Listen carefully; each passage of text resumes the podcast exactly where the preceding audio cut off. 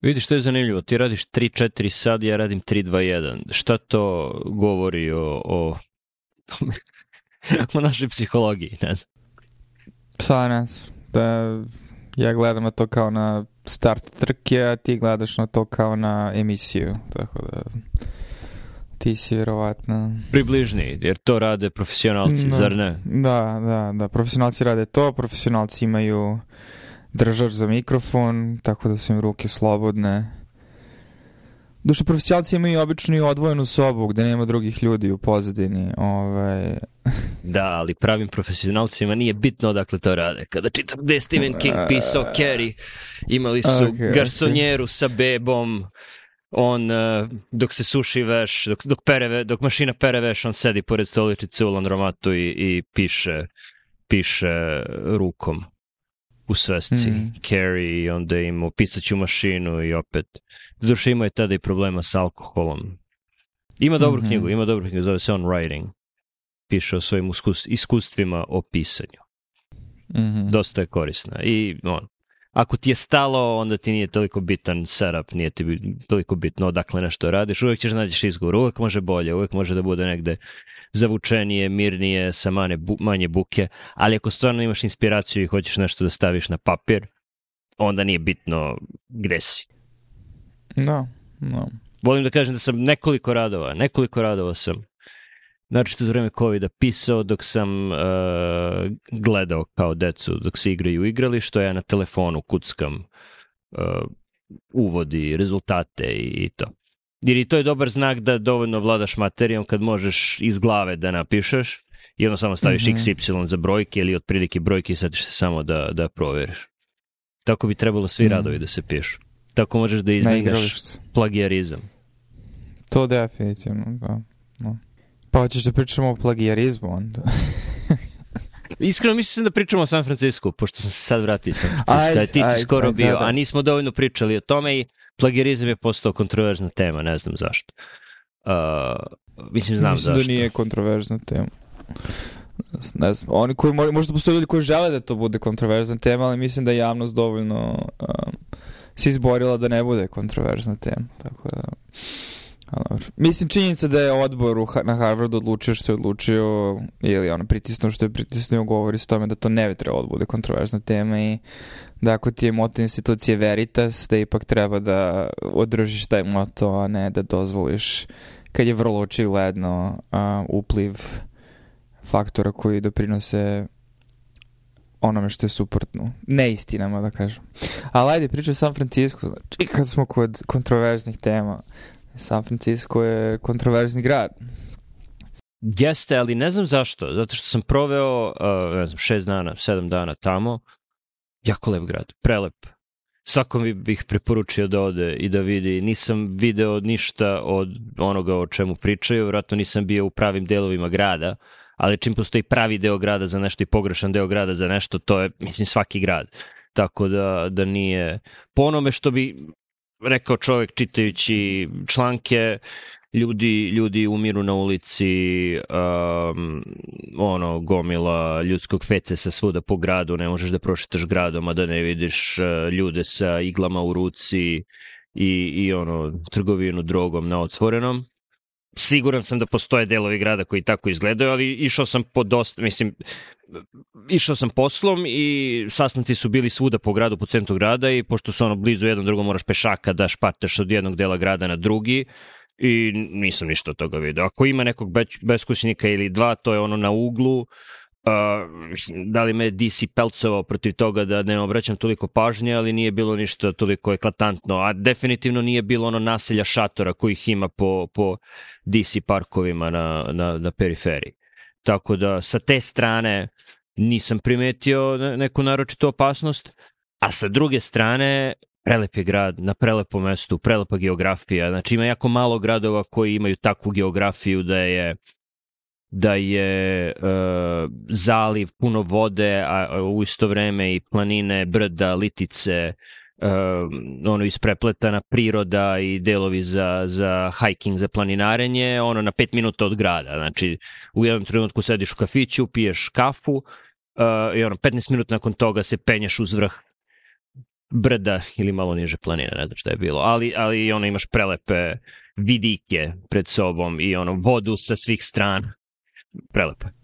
Da.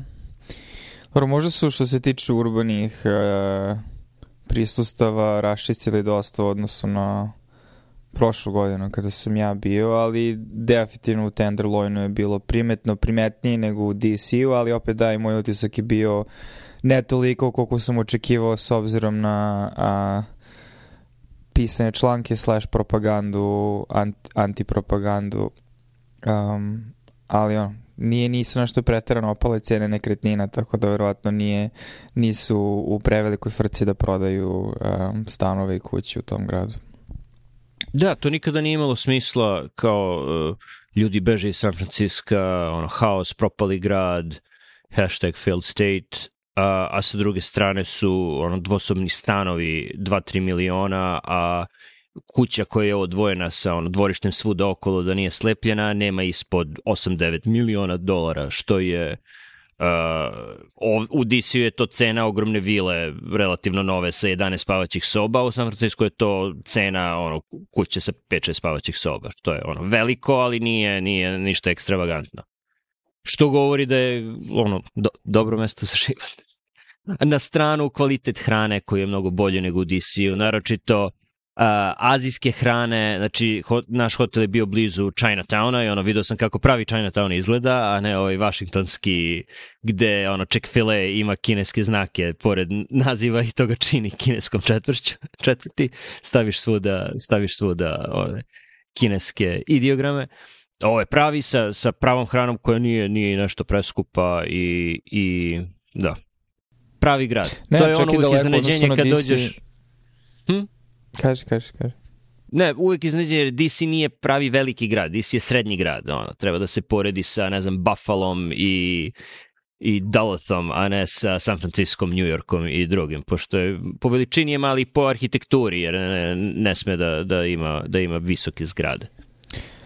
Da, ne, hrana definitivno i ne samo da, definitivno je jeftinija, pogotovo ono internacionalna hrana, a kvalitet je daleko bolji. Mislim, stvari, u svakom gradu kom sam bio van DC ove godine, Chicago, Boston, uh, uh, San Francisco imaju bolju, pod znacima navoda, etničku hranu, bolje kvaliteta, jeftiniju.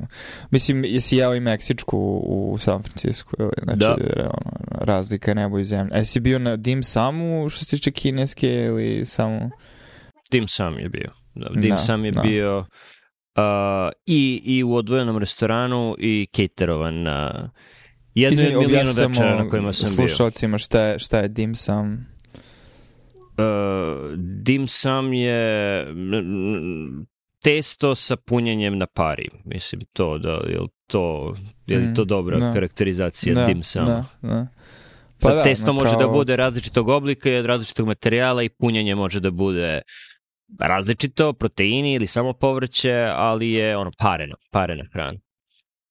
I može da bude suvo ili u supi. Da, da. To, I uglavnom je vrlo aromatično, umami, um, ovo je da, ono, punjene knedle, ne znam što je bilo najbliže na srpskom, male piroške, ne znam, Ovaj, odlično.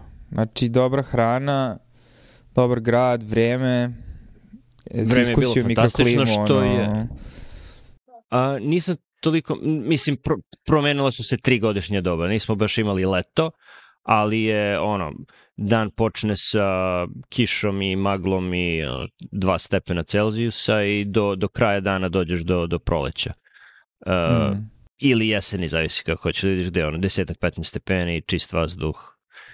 Plavo nebo, mislim, le, i generalno je takva klima. Čak i, i, i let je generalno hladnije i ima ono više magle, mada je tu dosta uh, mikroklima bitna, jer sa druge strane planine gde je opet veliki, onog Mission gde je i Castro i Castro Heights, tu kao nikada nije toliko vlažno, nikada nema magle jer ih vrh, yeah. uh, brani od, od vlage koje dolazi sa okeana. Bukvalno kao Zelda Breath of the Wild. Da. Znaš, imaš strme litice koje brane ulazak vlažnog vazduha, oblaka, kiše, magle i т.д. Uh, javni prevoz je bio jako dobar. Uh, ima onih uh, lake železnice koje ide pod zemljom i onda se pretvara u tramvaj, što je bilo lepo i dosta gusta mreža i trajekti su odlični. Bio sam na trajektu od, uh, od uh, ono, a, kako se zove, ferry, šta god, do Larksburga, da li se tako zove, Larkspark, Larksburg, tako nešto. Tako da možeš lepo za ono, 8 dolara da, da putuješ trajektom i gledaš Alcatraz i San Quentin i Golden Gate i sve te lepe stvari. Ne moraš da plaćaš turistički brod, to je isto bilo lepo.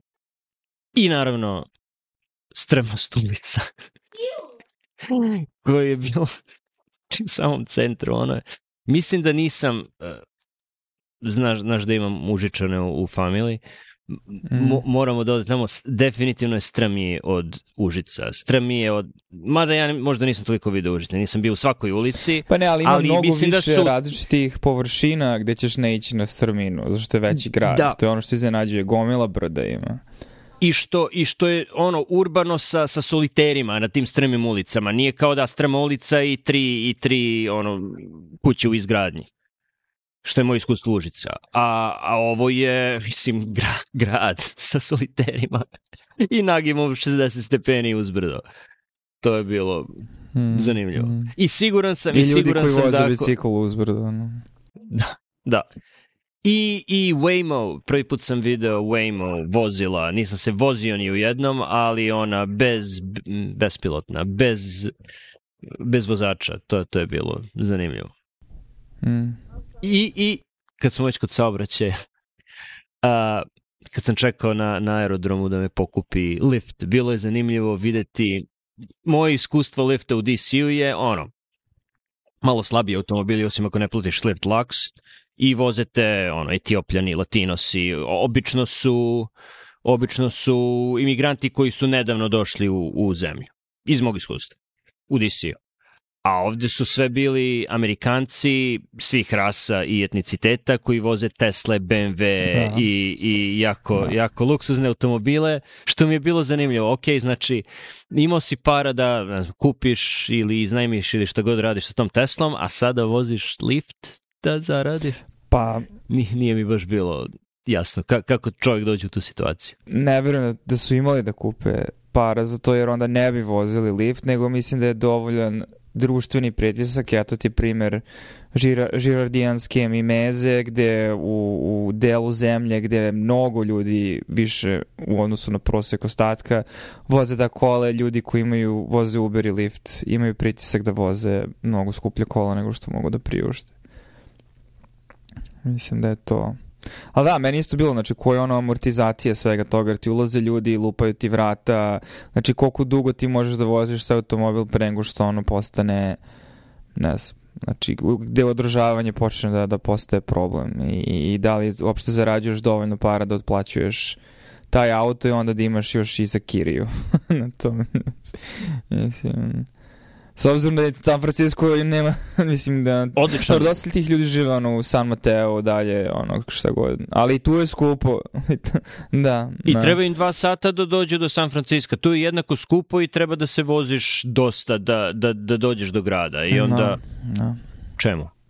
Upravo si, odlično si primetio Mimezu i, i sama konferencija na kojoj sam bio je odličan primer e, mimetičke teorije Girardove, gde je u pitanju bio JPM, uh, e, JPM i JP Morgan, a to je skraćeno, kaže samo JPM, u pitanju je JPM, organizuje JPM koji je investicijona banka, uh, tema je investiciji i financije vezane za, za biotehnologiju i farmaceutsku industriju, I zanimljiva je priča da je pre ono 50 godina neka druga manja investicijna banka počela to u nekoj straćeri od hotela uh, West End St. Francis koji je on u Union Square u San Francisco i to ima ono minijaturni hotel sa malim sobama, nije bila velika konferencija tako da su tu organizovali i onda kad ih je JPM kupio pre ne, 30 godina, oni su to nastavili i već 30 godina to se dešava u tom hotelu i generalno niko ne ide da sluša predavanja, mislim predavanja su nivoa, nije ono Ash ili Asko, nego je na nivou ne znam, Asko G u konferenciji ili neke mini konferencije, znači to je broj ljudi koji, koji, koji tu sedi, ali se umeđu vremenu razvio ekosistem mm -hmm. uh, sastanaka u JPM-u gde ljudi ne idu na konferenciju, ali gomila bankara je tu, gomila analitičara, gomila ono um, farmaceutskih kuća i predsjednika farmaceutskih kuća i to je uh, prilika za međusobno upoznavanje, polinaciju i, i onda vidiš eskalaciju dešavanja gde je ono od sastanaka onako usput, ajde da se nađemo u nekom restoranu, to došlo do nivoa gde um, i kompanije farmaceutske, naročito veće, i te investicijne banke iznajmljuju ceo sprat nekog hotela, onog manje hotela i u tom, na tom spratu or, svaka soba je soba za sastanke gde su izbacili krevet, stavili neki okrugli sto i bukvalno na svakih pola sata su sastanci, sastanci, sastanci kao ono speed dating. E, I to je to je jedan nivo eskalacije i ono, on, naravno to je eskaliralo do toga da sada te farmaceutske kuće imaju deo za recepciju gde ti dođeš, uzmeš hranu, mislim potpuno je bizarno no. u, u, u hodniku od hotela i u hotelskoj sobi. To je jedan nivo, a drugi nivo je večere koje organizuju koji su sve ekstravagantnije i ekstravagantnije i skuplje i skuplje. Tako da je pre ono 5-6 godina bio mini skandal gde su u Four Seasons je poznat po, po ovaj, seks industriji koja se odvija u hotelskom baru kao visokog nivoa i neka, da li investicijona banka, da li advokati neki su organizovali žurku u Four Seasonsu sa, sa tim konceptom uh, uh, žena sumnjevog morala koje igraju na šipkama i u kavezima i izbio veliki skandal i tada, i tada. Tako da se to sad malo smanjilo, ali sigurno sam da će eskalirati ponovo u, u bliskoj budućnosti. Jer ima puno igrača koji gledaju šta drugi rade i ako ti ne radiš to isto, onda ljudi misle da je sumnjivo, tako da moraš da pojačavaš, pojačavaš, Zanimljivo kao ko, ko odlučuje šta je sledeći nivo eskalacije i kao gde ćeš privući više ljudi, verovatno, a to onda udara na neke ono najbazičnije instinkte i koliko možeš da prikriješ to. Očigledno kavez, žena u kavezu koja dela kao profesionalni igrač se možda nije dovoljno baš, ali ono, ne znam. Na, bar ono na sajmovima automobila i to imaš žene obučene u, u uske usku garderobu ispred automobila s kojima se onda slikaju ljudi i onda Tako da da, zanimljivo. Mislim, hoću kažem, šta, ko odlučuje, je to ono kao AB testiranje, znaš, ko je sledeći nivo eskalacije, šta je to, što će onda, jedni, onda morati svi da imaju da bi imali taj prestiž uh, ili privid prestiž. Pa to je ono o čemu se govori u porukama i mailovima nakon JPM-a i nakon. Siguran sam da svaka industrija ima taj vid uh, taj vid mm. međusobne eskalacije i takmičenja. Kad smo kod kopiranja, možemo da pričamo i o plagijarizmu. U redu je. Zato što imam... Šta ti misliš o celoj situaciji? Pa, iskreno, malo manje mi je, umanjilo mi je dozu cinizma koje imam po pitanju stanja um, u nauci, s obzirom da je jeste bilo u pitanju, mislim, čitava stvar vezana za predsjednika Harvarda i stvari koje su ispale vezane za plagijarizam radova u radovima koje ona pisala svoje vremeno pre nego što je došla na tu poziciju. Uh, I ono, van same čitave političke situacije i ko je vadio te radove i zašto i koliko je ona imala radova, koji su publikovani i kako se to poredi sa drugim ljudima koji su bili birani u profesuru, neću da ulazim ali ono što, u što hoću ulazim je on, očigledni dokazi koji su, mislim, bili vrlo, mislim, da, očigledni. Uh, I u tom smislu sam čin mi je malo smanjio cinizam u smislu da je ona na kraju morala da a, siđe sa te pozicije i sad ja želim da verujem da jedan razlog je zato što želimo da održimo naučni integritet i ovakva velika sramota a, nije nešto što bi, on, je nešto što bi ukaljalo, mislim, prestiž same institucije, jer ako Harvard želi da sebe vidi i dalje kao najprestižniji univerzitet na planeti i da ti je moto bukvalno istina, a onda tvoj predsjednik ima mislim, plagijara, pla, ono, je, mislim, i drugo što je onda, koji onda standard za studente, mislim, koji prolaze kroz sve to, tako da, u tom smislu mi je drago, jer ovo su stvari koje smo pričali, koliko ima bullshita u nauci i siva zona između bullshita i onda ono, jer dosta tih radova, pogotovo u društvenim naukama, jesu, uh, ono, štampanje, štampanje, ali sad i u prirodnim naukama imaš situaciju da ono, imaš go hiljade revijskih članaka i onda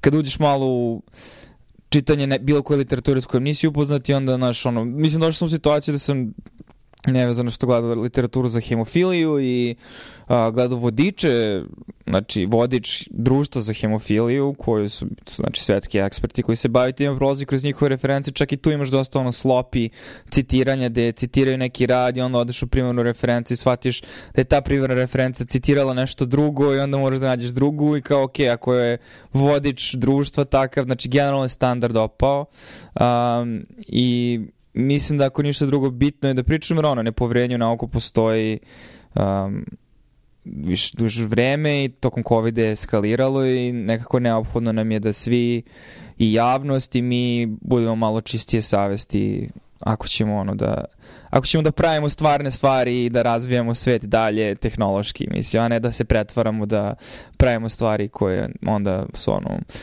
stvari od papira, kule od karata koje će se u nekom trenutku survati. Mm mislim da postoje dva, dva načina na koje može da vidiš šta je plagijarizam. Znači, prvo, i ono što Claudine Gay nije uradila u svojih koliko, 11 radova koje je napisala, mislim, velika akademska karijera. Um, to je da, da kopiraš nečiju ideju i da srž onoga što predstavljaš u radu bude plagijat. Uh, to je radio uh, neki drugi pisac u svojoj knjizi, postoji neki PhD, da li je u Pittsburghu ili ne sjećate gde u nekom univerzitetu, ali je kao redovni profesor u tom univerzitetu i objavio je knjigu kao zanimljive činjenice o životinjama i imao je celo poglavlje o cirkularnom sistemu žirafa. I tog poglavlja je bilo bukvalno wow. kopija nekog blog posta. Znači, to je plagijarizam koji je ono eklatantna kopija, to je apsolutno ono horor, to ne postoji nikakav izgovor i to je znak, znak uh, loše osobe, generalno.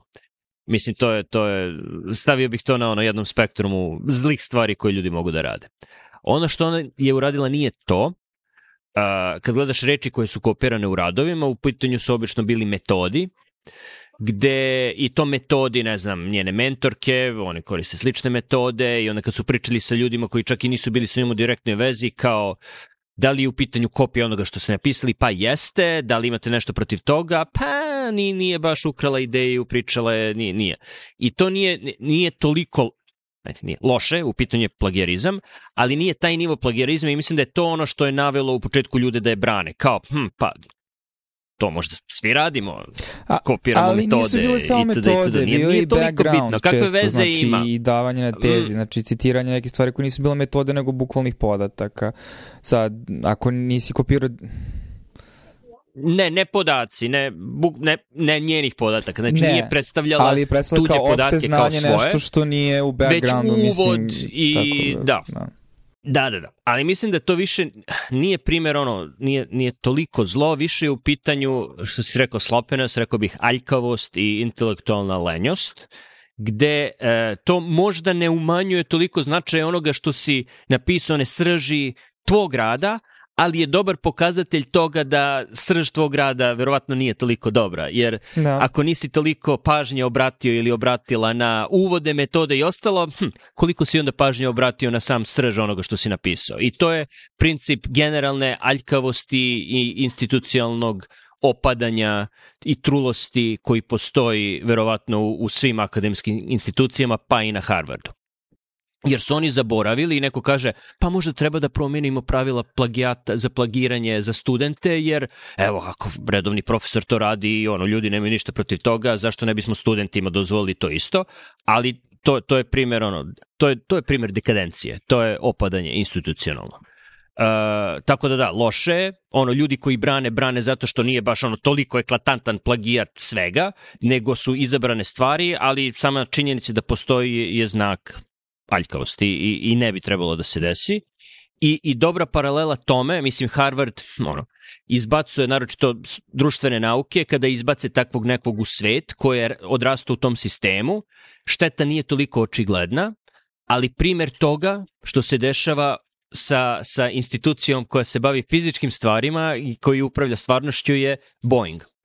A, zato što se njima desio ekvivalent onoga što se desilo Harvardu, Boeingu se desilo sa kontrolom kvaliteta i proizvodnjom. Uh, jer tokom 20-30 godina Boeing je nekada bio ono najveća, najbolja ono, fabrika aviona civilnih, onda su imali, imali su spajanje sa McDonnell Douglasom koji je radio i civilno i vojno inženjerstvo.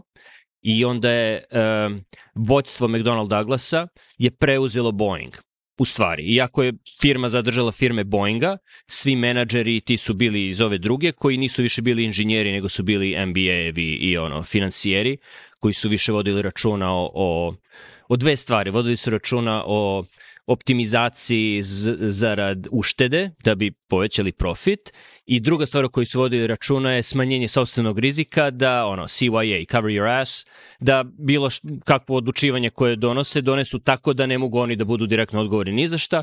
Tako je Boeing napravio seriju ono pogrešnih odluka sa, za razvoj njihovih najpopularnijih aviona 737, koja je kulminirala time da ti napraviš avion i on poleti i sljušti se zid sa aviona dok leti i istraumira putnike i srećem niko nije sedeo pored te rupe koje se otvorile u avionu, ali to je primer aljkavosti i institucionalnog propadanja i ono, postoji gomila članaka, imali su nekog subcontractora, nekog podizvođača radova, ko, tako da ono, CYA, Cover Your Ass, nismo mi, to su podizvođači, pa da, ali vi radite kontrolu kvaliteta.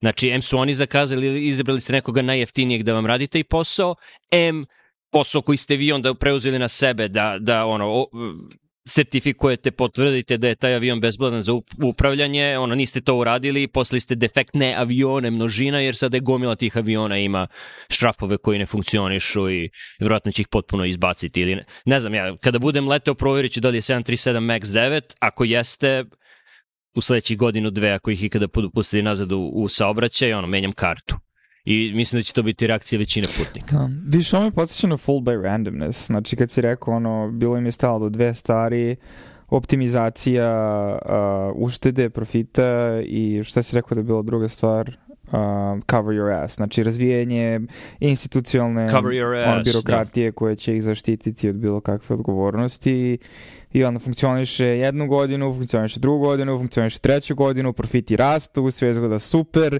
i onda imaš ono tail event zato što nisi prevideo eksternalitete, šta je značilo sva to ušteda i na, gde si sve izgubio i onda vidiš koliko si šupalj, ali onda kad padne, onda sve padne odjednom. Onda padnu i izgubiš kontingent aviona i padne ti akcija i sve te pare što si na, navodno uštedeo, svi ti profiti koji si napravio Znaš, mislim, izgubljeno je poverenje javnosti i da, ima čitav niz sad lančanih efekata, ne sad samo sa ovim, nego što će slediti. Tako da da, mislim, ne možemo da bežimo od stvarnosti, ne možemo da gradimo kule od karata, mislim, možemo, možemo određen vremenski period, ali kada tad, kad tad fizička stvarnost dođe, mislim, ispliva i to je i, i neko plati cenu. Jedino je problem što u, u, u društvenim hjerarhijama i organizacijama ima dovoljno praznog prostora da ljudi sa sociopatskim tendencijama koji nemaju problem sa tim mogu sebe dovoljno da odvoje od posledica njihovih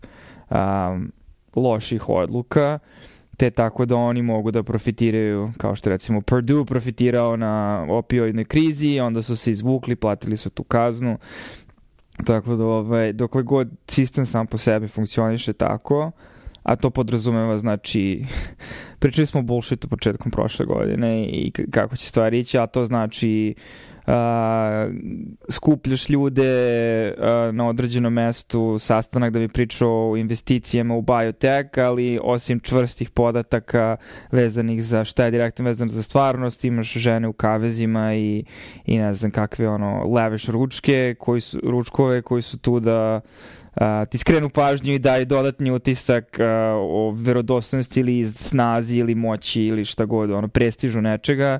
Um, a u stvari su sami po sebi bullshit jer ne, ne moraju nužno da kole, koreliraju sa čvrstim stvarima zbog kojih taj sastanak uopšte i, i napravljen. To je ono. Ne, ne znam da li ima smisla ovo što govorim, ali razumeš, razumeš što hoću da kažem. Mislim, što, što više sebi i sami skrećemo pažnju i, i, i, i što dozvoljavamo da taka kultura postoji, to dalje rizik. Ali valjda, znaš, on, onda se ovakve stvari desi, onda imamo kulturnu, ono, imamo, razvijemo kulturno sećanje, razvijemo priče, razvijemo šale, viceve i onda Znaš, ne znam, da li sad ostale aviokompanije proveravaju šta su oni radili, ko su njihovi podizvođači ili nastavljaju ovaj, politiku kao što je bilo i ranije. Ba, ovo je primjer ozbiljnih propusta na više nivoa, tako da uh, iznenadio bih se ako ako većina firmi koje su i tangencijalno vezane sa Boeingom ne, ne proveravaju, ne proveravaju svoje stvari. Jedini razlog zašto ne bi je ako je neko ono, blizu penzije ili onako ću da, da odem iz ovog posla i da pređem na drugi u sledećih godinu dana, što je još jedan problem što što ono pred 30 godina ono radiš za Boeing sada radiš za Boeing sledećih 20-30 godina tako da ti je stalo do toga da firma uspe a sada na svim nivoima ima toliko skakanja iz jedne firme u drugu da, da ti nije toliko stalo do institu, institucionalne reputacije i dokle god nešto ne može da se pripiše direktno tebi, u, ja sam pogrešio, on kaže da, to je neka budala, znaš, to su neko iznad mene je kriv ili neko ispod mene je kriv ili neki moj kolega je kriv, nisam ja, lako možeš, lako ali možeš da se, seme, da se spereš od toga. ali pričali smo ove ranije, uh, kako je to seme onda urušavanje institucionalne reputacije. Razlog zašto institucionalna reputacija postoje zato što postoje ljudi koji su verodostojni, e, konzistentni, koji su izgradili tu reputaciju i onda ti dolaziš i onda ono parazitiraš na tom reputacijom, e, dovedeš do, mislim, ono, ako ne neutralnog u smislu da nisi dalje doprinao poboljšanju, nego pogoršavaš aktivno, u jednom trenutku će to da se desi i cijela institucija. Isto mislim i sa Harvardom, znači institucija reputacija, institucija reputacija i onda dozvoliš da se ovako nešto desi i onda kao, ok, ali onda opada ti reputacija institucije, mislim, tako da bitno je, bitno je. Jer onda reputacija je ono shorthand za, mislim, tih heuristika za to koliko mogu da verujem nečemu, mislim. A održavanje institucionalne reputacije je teško i naporno i zahteva puno posla, puno truda, puno neprijatnosti u životu, znači to nije nije lako. Da je lako svi bi radili, bilo bi puno velikih institucija dobrih, ali to je kao i sve stvari gde ono, kad prođeš, kad šetaš ulicom, ovde naročito, mislim ovde u Americi, šetaš ulicom i vidiš ispred kuća postoje oni mali parkovi koji su trotoar odvaja kuću od, od dela gde je malo zemlje i drveta i ono vidiš da nešto je, neki od njih su zapušteni, neki od njih su ono prelepi, male bašte sa posađenim cvećem, sa statoma, skulpturama i treba vremena, truda i svakodnevnog održavanja toga. Znači neko ko živi u kući pored koje je tu mora dosta svog ja. truda da uloži da bi to održavao. Inače postane zapušteno jako brzo i to nije, nije ni malo lako, jedina stvar koja te vodi ka tome je da želiš da to bude tako. To, to je. I, i moraš da, da, da odvojiš dovoljno vremena. A, a u poslednjih, ne znam, 10 godina, od kada sam ja završio residency, tada je počelo, sada je na maksimumu, čini mi se, nadam se da je na vrhu i da će početi da se smanjuje, je uh, dosta, se, dok se, dosta se naglašava to da, da je neko comfortable, da, da, da, da je neko u redu sa nečim, da, da, samo, samo da nemoj da, da e, nemoj da učiniš nekoga da se osjeća loše, nemoj da učiniš nekoga da, da, da radi previše i da, da, ono, da se žali, da mu nije dobro i da ti daje niske ocene i niske rejtinge. Tako da je cela kultura se pretvorila iz one gde ono ljudi rade koliko mogu i, i ono trude se u to da ono gledaju da, da da im bude, da budu comfortable, da, da, da im bude ok, da, da, da, se, da vode računa o svom ono, well-beingu i da, da uzimaju pauze za, za mentalno zdravlje i ostale stvari. Ne kažem da to nije bitno, jeste bitno, ali, ali uh, ako je, ako je naglašeno to, a ne krajnji rezultati, onda dolaziš u situaciju gde ono, institucije propade. Pa to je, mislim da smo, i sad, možda ima ovo veze, ok, ne želim da previše zalazimo u neke previše lateralne poteze, ali znaš, ono, priča o zombifikaciji, priča o propadanju vrednosti, priča o ravnim ontologijama, priča o tome, naš postmoderna relativizacija svih stvari, razaranje hirarhije vrednosti i onda nekako je dovelo toga da je nama svima teže, a pogotovo, mislim, uslovljavanje mladih ljudi i načina koji se obrazuju u institucijama čak i visokog obrazovanja stvarno se pojednostavljuje na ono apsolutne kategorije i, i, i a, ne postoji ne postoji u smislu da biti psihički stabilan na poslu i ne biti mobigovanje dobro samo po sebi. Um, ali isto vreme biti produktivan i savestan je dobro samo po sebi. Sad ta dva dobra moraju da imaju neki odnos i u zavisnosti od situacije kako je hirarhija toga postavljena, a, ti ćeš onda imati određeni ishod da nekada ćeš da malo više truda uložiti, ali dokle god je to u sistemu u kojem taj trud vodi ka nečemu vrednijem i tvom boljitku, onda je to dobro generalno, znači to je ono veće dobro. Ali ako ti onda recimo zaravniš sve i pretvaraš se da su stvari ravne, ali onda kažeš stavljamo fokus na ovo, ovo je dobro, ti nemenovno onda praviš hirarhiju vrednosti. Ti možeš se praviš da ta hirarhija ne postoji, ali način na koji prideš stvari, pažnju stvarima, način na koji tretiraš ljude, utiče na to kako ćemo posmatrati ove stvari. Tako da stvari nisu na kraju jednake, nego samo dolazi do inverzije hirarhija. I ono, opet to može da vuče tako na paru, zato što postoji ono vrednost koju su ljudi prethodno svojim ono svojim trudom, pažnjom, vremenom uložili institucije, ali vremenom te stvari krenu da onda budu sve praznije i praznije i onda na kraju puknu, mislim, i to je onda...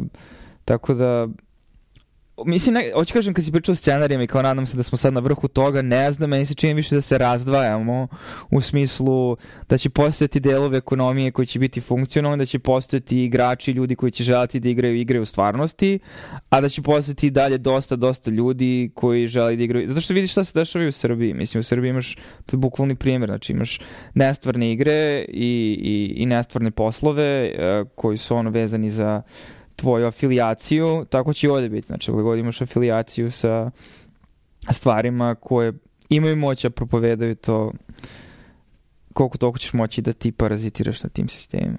Dobro, ovde se mnogo brže menja ko ima moć, ko nema. Ono. Menja se svake četiri godine, tako da vidjet ću. Četiri do osam. A, ako smijem da budem malo ciničan, rekao si hijarhija, mislim da hijarhija uvek postoji. Hijarhija prioriteta, postoji samo jedan prioritet. I ono što se desilo je, rekao bih, pre 15-20 godina, ono, od Regana je prioritet, ono, prva stvar bila profit. Znači, profit je na prvom mestu. I onda je od Regana pa do pre 20 godina profit bio na prvom mestu, institucionalna reputacija i kvalitet posla na drugom, a dobrobit zaposlenih na dalekom trećem mestu, ako gledamo samo te tri stvari mislim da je u poslednjih desetak, 15 godina ono krenulo je sve više mentalno zdravlje, dobrobit itd. itd. I onda su i onda su velike firme rekla da da da da nama je apsolutno bitna dobrobit naših zaposlenih i njihovo zdravlje. Tako da je spisak prioriteta sada na prvom mestu profit, na drugom mestu dobrobit zaposlenih, a na dalekom trećem mestu kvalitet rada i institucionalna reputacija. Tako da odlukom da ti profit ostane na prvom mestu, da i dalje hiperoptimizuješ sve i da imaš ono ekstrakciju vrednosti hiper, hiper efikasno, super ultra mega turbo efikasno i onda kao kažeš ok, zaposleni mogu da uzimaju pauze i mentalno zdravlje itd., onda više ne obraćaš pažnje na kvalitet i dolazimo do Boeinga, dolazimo do Harvarda, dolazimo do ostalih stvari koji bi bio idealni, idealni raspored. Uh, naravno, kvalitet na prvom mestu, dobrobit zaposlenih na drugom, to kažem ono, kao kapitalista, verovatno bi neko malo levlje sklon, sklon rekao dobrobit zaposlenih na prvom, kvalitet na drugom mestu, može da postoji debata, a profit na, na trećem, jer opet i... Pa profit treba da bude rezultat tih stvari, a ne cilj A ne cilj sam po sebi, tačno tako, i ono što u dužem roku optim, hiperoptimizacija profita opet dolazi, to je još jedna talebova stvar, da, možeš da imaš super profit ono 5-6 godina i od nas sedmog imaš uh, gubitak koji ti zbriše svu Pojedi vrednost se. i još no. Da. malo od tih 5-6 godina velikih profita, kao što sam siguran desit će se sada Boeingu, koji su svojim odlukama sada ono zbrisali vrednost svoje, svoje kompanije mnogo više nego što su uštedeli tim, tim ono, smanjenjem kvaliteta. Tako da, da bi to trebalo da bude raspored i sad ako imaš u vidu da je to cilj, sad koje odluke treba sada da dolaziš ti kao pojedinac kada glasaš na izborima i kako se ponašaš, to je sad druga priča, ali mislim da bi to bilo idealno i da čak i kapitalistički način viđenja na svet ne bi trebalo da stavlja profit na prvo mesto, nego je po, po ovom rasporedu bi bio na trećem mestu. Mislim, to je, to je očigledno i, i rekao bih da je ono Amerika od drugog svetskog rata do Regana bila tako postavljena da je kvalitet bio na prvom, profit na drugom, dobrobit zaposlenih na trećem. Znači to je bio neka hijarhija tada, a da je ono, Reaganomics malo, malo preokrenuo te stvari. A, ostaje da vidimo.